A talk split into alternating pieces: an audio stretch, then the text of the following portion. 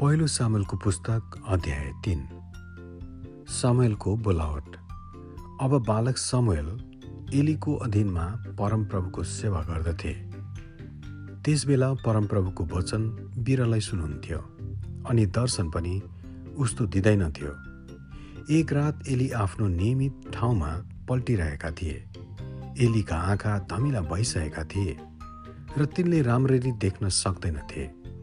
समेल चाहिँ परमेश्वरको सन्दुक भएको परमप्रभुको मन्दिरमा सुतिरहेका थिए। परमेश्वरको बत्ती निभेको थिएन।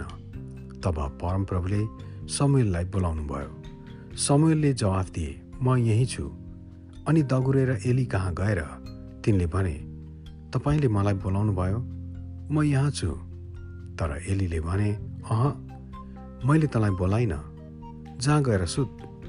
तब तिनी गएर सुते। परमप्रभुले फेरि समयलाई बोलाउनु भयो।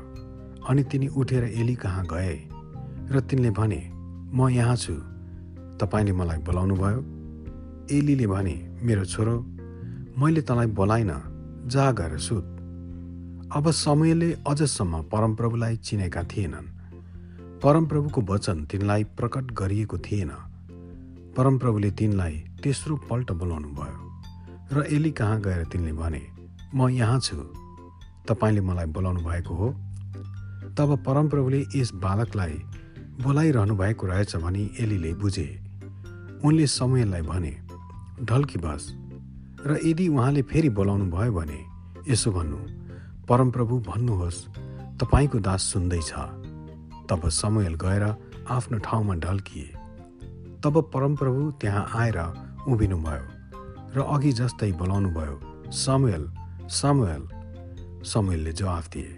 भन्नुहोस् तपाईँको दास सुन्दैछ अनि परमप्रभुले समूहलाई भन्नुभयो हेर म इजरायलमा चाँडै केही गर्नेछु र त्यसले गर्दा सुन्नेहरू सबैका कान झन्किने छन्।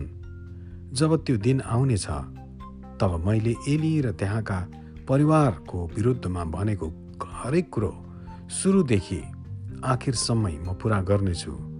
मैले त्यसलाई भनेको थिएँ कि म त्यसका परिवारको सधैँ इन्साफ गर्नेछु। किनभने परमेश्वरको विरुद्धमा त्यसका छोराहरूले आफूलाई घृणास्पद बनाएका जानेर पनि त्यसले तिनीहरूलाई रोकेन। यसकारण एलीका परिवारको विरुद्धमा मैले यो शपथ खाएको छु। एलीका घरानाको पाप कुनै पनि बलिदान वा भेटीले मेटिने छैन। समयल बिहानसम्मै सुतिरहे। त्यसपछि तिनले परमप्रभुको भवनमा ढोकाहरू खोले। त्यस दर्शनको विषयमा एलीलाई भन्न तिनी डराए तर एलीले समयललाई बोलाएर भने हे मेरो छोरो समयल तिनले भने म यहाँ छु। एलीले सोधे परमप्रभुले तँलाई के भन्नुभयो? मलाई त्यो नलुकाइ भन्। उहाँले तँलाई भन्नुभएका सबै कुरामा एउटै कुरा लुकाइस् भने पनि परमेश्वरले तँसित कठोरता साथ व्यवहार गरून्। यसैले समयले उनलाई सबै कुरा बताइदिए। केही कुरा पनि लुकाएनन्। एलीले भने उहाँ परमेश्वर हुनुहुन्छ। उहाँको दृष्टिमा जे कुरो ठिक छ सो गरून्। जसै समय बढ्न लागे परमप्रभु तिनीसँग हुनुभयो र उहाँका वचनहरू एउटै पनि अपूर्ण रहेन। अनि दानदेखि वर्षवाससम्मका सारा इजरायलले समेल परमप्रभुका अगमवक्ता भएछन् भनी मान्यता दिए। परमप्रभु सिलोमा देखा परिँदै रहनुभयो।